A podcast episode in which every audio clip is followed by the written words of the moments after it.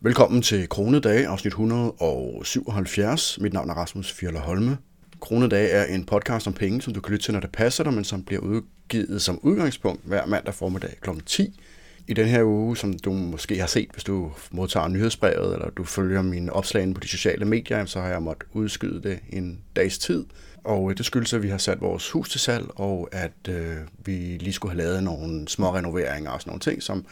tit er små, når man starter, og så går op for en, at hvis ikke man er uddannet inden for et relevant håndværkerfag, så tager det nogle gange lidt længere tid end ellers.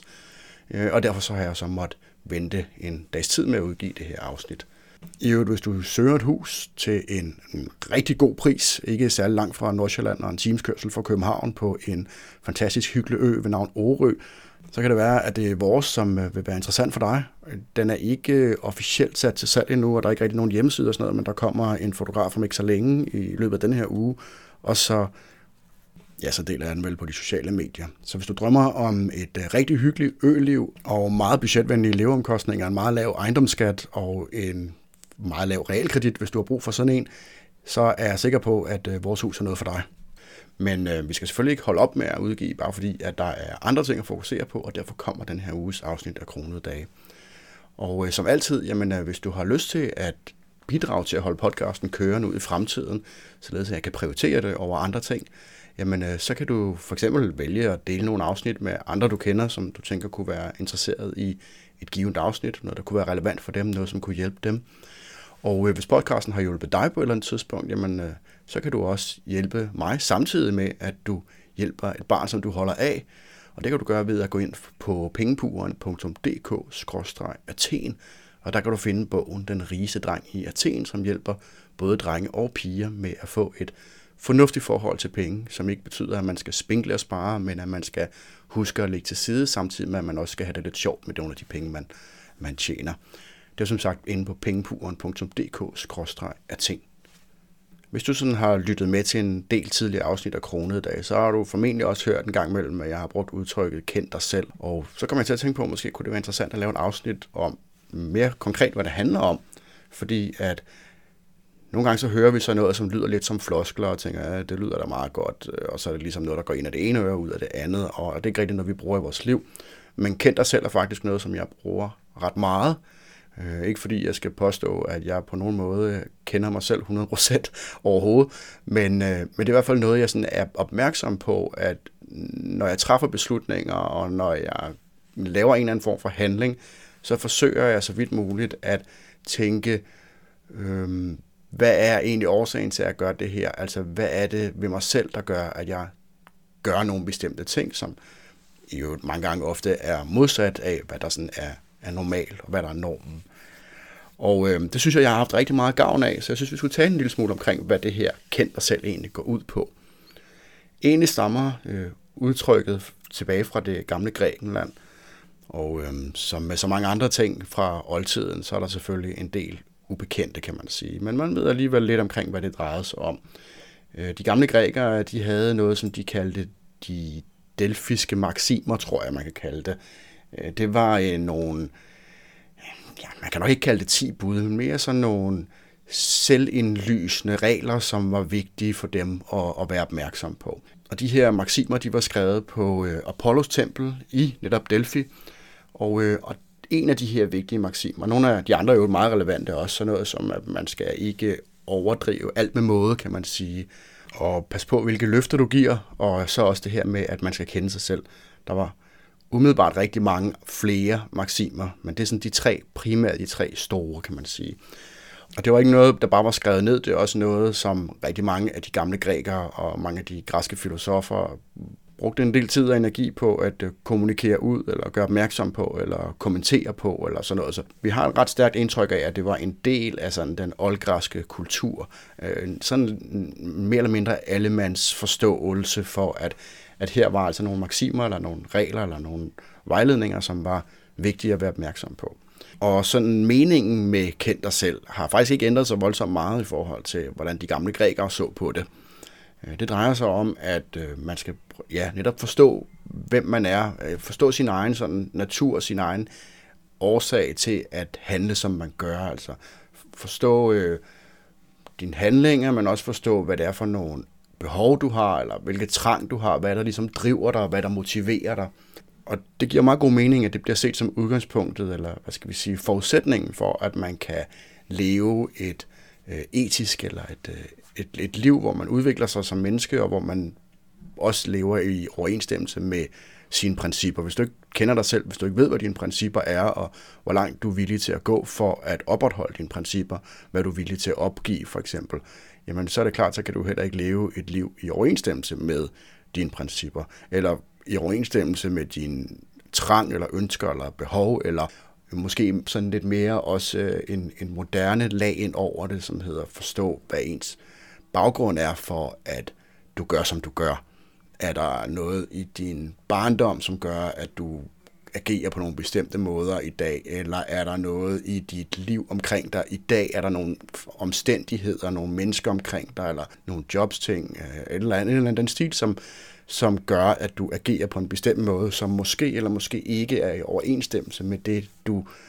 dit, hvad skal vi kalde det, inderste selv, eller dine sådan grundlæggende principper og moral. Og når man taler om sådan nogle ting, så kunne det måske godt lugte lidt af, at det er noget med, at der er negative påvirkninger. Men det kan lige så godt være nogle positive påvirkninger, som hjælper os med at komme videre. Men hvis ikke du ved, hvad det er, der påvirker dig enten i væk fra det, du gerne vil opnå, væk fra en forståelse af, hvem du er, eller tættere på det, jamen så bliver det netop meget svært at lave den her øh, selvforståelse. Sokrates han brugte en del tid på det her emne, og øh, noget af det, han talte om, det var det her med, at hvis ikke man er, hvis ikke man har en selvforståelse, hvis ikke du kender dig selv, jamen så har du, mangler du et ekstremt vigtigt værktøj til at undgå os at gøre skade på andre mennesker. Så i virkeligheden så drejer det sig både om at kende dig selv for, at du kan øh, gøre dit eget liv bedre, men også for, at du kan undgå at gøre skade på andre mennesker, og gøre andre menneskers liv øh, dårligere eller mere negativt. Det var måske en lille smule abstrakt og en lille smule sådan filosofihistorie, eller hvad man nu kan kalde det, men jeg synes, det er vigtigt at have en sådan grundlæggende forståelse for, hvad det egentlig er, det drejer sig om. Men øh, kronedage er jo, har jo til formål at være meget praktisk orienteret. Jeg synes, det er vigtigt altid at komme med nogle helt praktiske ting, man kan forholde sig til øh, og bruge i hverdagen. Og øh, så synes jeg, vi skal snakke en lille smule omkring, hvordan man kan bruge det her med kend dig selv i privatøkonomien i forbindelse med investeringer, i forbindelse med øh, forbrug og sådan nogle ting. Men jeg synes også, det er vigtigt at i hvert fald øh, lige nævne, at det her det er langt fra noget, som kun er relateret til privatøkonomien. Det har også noget at gøre med ens parforhold, eller forhold til venner, familie, eller arbejde, eller øh, karrierevalg, eller alle mulige andre ting. Men nu er det her en podcast om penge, så lad os prøve at tale lidt omkring det. Og et åbenlyst punkt, man kan bruge det her med at kende sig selv, det er jo sådan noget med at forstå dine egne øh, prioriteter i forhold til privatøkonomien. Altså, hvad er det egentlig, du gerne vil opnå? Øh, hvad er din øh, langsigtede og din kortsigtede mål med privatøkonomien?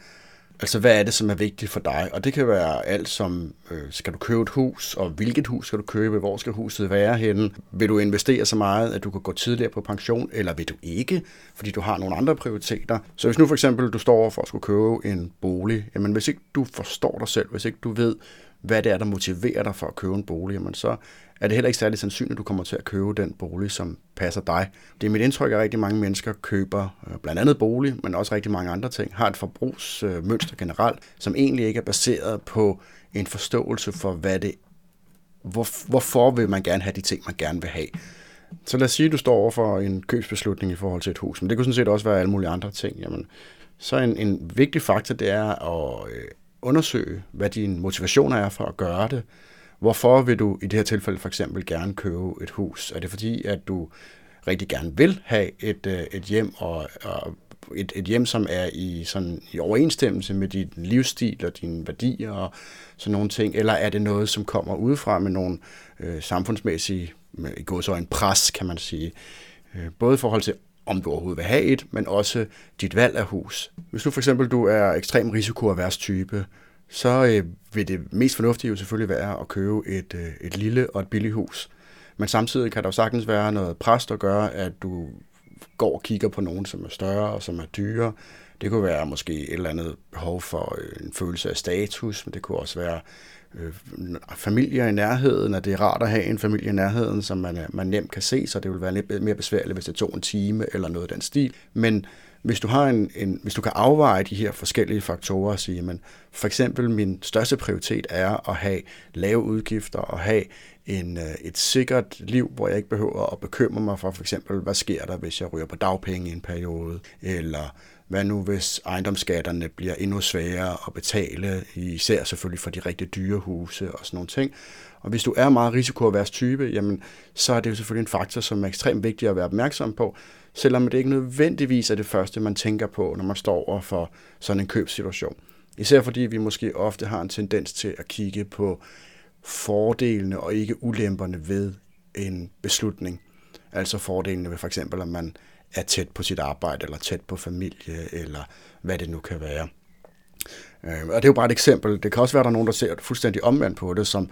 ikke er særlig risikoavers, og, øh, og derfor vil træffe nogle andre beslutninger, men derfor er det netop vigtigt at forstå sig selv. Man kunne selvfølgelig også godt grave et spadestik dybere og sige, hvorfor er jeg risiko eller avers, eller hvorfor er jeg ikke risikoavers. Øh, det er jo lidt op til en selv, hvor meget man har lyst til at grave ned i det. Men i hvert fald have en forståelse for, hvem du er, sådan at dine beslutninger de rent faktisk bliver truffet i overensstemmelse herefter. En anden ting kan også være sådan noget med at udfordre dine umiddelbare reaktioner på et eller andet, eller de sådan de reaktioner, der kommer mere eller mindre fra underbevidstheden, og som jo påvirker os alle sammen, når vi træffer nogle beslutninger. Også øh, de store købsbeslutninger. For eksempel så kan det være, at du tænker, at det her med at øh, eje et hus, eller eje et bestemt slags hus, eller et bestemt sted, eller noget af den stil, er et, øh, et vigtigt skridt i forhold til at være øh, voksen, eller have opnået en eller anden vis grad af succes, eller sådan noget. Øh, og så spørge sig selv, er det her nogle øh, beslutninger, som er i overensstemmelse med, hvem jeg er, eller er det bare noget, der sådan man tænker, fordi sådan, så, så det, det er en normal tilgang til tingene, kan man sige. Der kan være alle mulige andre forskellige faktorer og processer forbundet med for eksempel køb af hus, men alle mulige andre økonomiske beslutninger også. Hvis man sådan skal kigge på det overordnet set, jamen så er det jo noget med at være opmærksom på dine reaktioner, hvordan du har det, hvordan du føler dig i en anden situation. Føler du dig presset eller stresset over et eller andet, øh, eller positiv, opstemt, eller at du føler eller fuld af energi eller noget andet. Det kan både være positivt eller negativt, men så øh, være opmærksom på det og, og føle det og, og kende dig selv ved at sige, jamen lige i den her situation, der føler jeg, at jeg er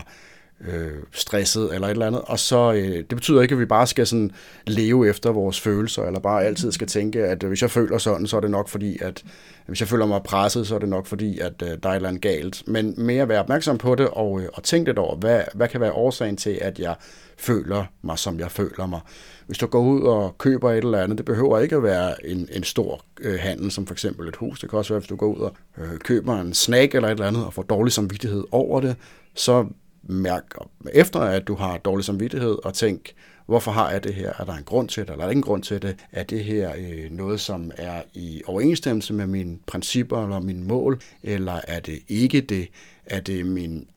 egen beslutning eller mine egne principper, som gør, at jeg har dårlig samvittighed over det, eller er det fordi, at der kommer en eller anden ekstern faktor, som, øh, som påvirker det? Når det så er sagt, og at selvom at vores følelser ikke nødvendigvis behøver at altid være i overensstemmelse med de rigtige beslutninger, øh, og det virkelig mere drejer sig om at eksaminere sine følelser eller sin fornemmelse, så tænker jeg, at det ikke, i hvert fald efter min overbevisning, ikke er helt forkert at sige, at vi godt vil opnå nogle beslutninger, hvor at de her beslutninger, de giver os sådan en fornemmelse af, øh, af ro. At man ikke øh, træffer en beslutning med en følelse af, at øh, det her, det er, ikke, det er ikke helt rigtigt, men hvor vi mere sådan kan sige, det har jeg det sgu egentlig meget godt med i maven. Og, øh, og det er ikke fordi, at jeg er sådan en hippie-type, der tænker, at vi altid bare skal følge vores, vores følelser, øh, men jeg synes, det er en meget god øh, tommelfingerregel. Det kan jo også være noget, vi bruger i forbindelse med investeringer, at hvis vi kender os selv, og vi ved, hvilke risici vi er villige til at tage, hvad vores øh, risikovilje er, jamen så er det også meget nemmere for os at, at træffe nogle investeringsbeslutninger. For eksempel så er jeg sådan rimelig risikoavers. Jeg har ikke lyst til at for eksempel investere for lånte penge, eller købe nogle investeringer, hvor at, øh, jeg synes, at øh, risikoen er for høj i forhold til det potentielle afkast, Øh, og den slags kan man putte i regneark og regne på, men mange gange er det også bare en personlig ting i forhold til, hvad er min risikovilje. Og øh, det kan godt være, at man kan få et kæmpe afkast af en eller anden investering, men hvis risikoen er relativt høj for, at du kommer til at miste meget af det, jamen så vil jeg for eksempel sige nej, andre vil sige ja, og det vigtigste er, at vi er bevidste om, hvor vores øh, risikovilje går. Det er for eksempel også en af årsagerne til, at øh, mine eneste ejendomsinvesteringer, det foregår via øh, aktiemarkedet og, hvad kan man sige, via udlån til ejendomslån. Altså at jeg ikke selv køber min egen ejendomme og, og lejer dem ud, fordi at jeg ikke har lyst til at skulle forholde mig til det stress, der er relateret, eller kan være relateret, hvis man er min type, øh, ved at der kan være bøvl med en udlejer, eller en udlejer går til, hvad hedder det, lejenævnet, og, og lige pludselig får sænket sin leje med tilbagevirkende kraft, og øh, du skal renovere eller reparere et eller andet, ikke efter din egen, hvornår du selv synes, det giver mening, men efter hvornår at en lejer synes, at nu skal der laves et eller andet bestemt. En masse faktorer, som for mig ikke er den potentielle ekstra indtægt værd, hvor jeg hellere vil købe for eksempel øh, ejendom via rights, altså via aktiemarkedet, så kan det godt være, at mit afkast ikke stiger lige så hurtigt, men til gengæld så er det noget, jeg næsten ikke behøver at forholde mig til.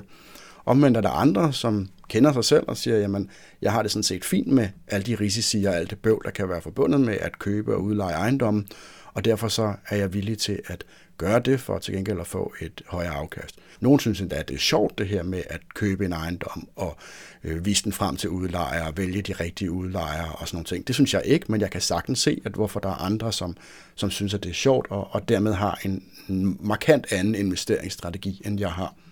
Problemet opstår først, hvis man ikke har truffet de her øh, overvejelser. Nogle gange kan man selvfølgelig reagere intuitivt, men der er en langt større risiko for at træffe forkerte investeringsbeslutninger, hvis du ikke har været opmærksom på det her. Hvis du, hvad kan man forestille sig, øh, lige pludselig hører en masse om investering i bitcoin, og det er ikke fordi, jeg har noget mod bitcoin, jeg har selv bitcoin, men hvis du lige pludselig hører en hel masse om, at øh, bitcoin er en fantastisk investeringsmulighed, og du kan få et kæmpe afkast, og bliver sådan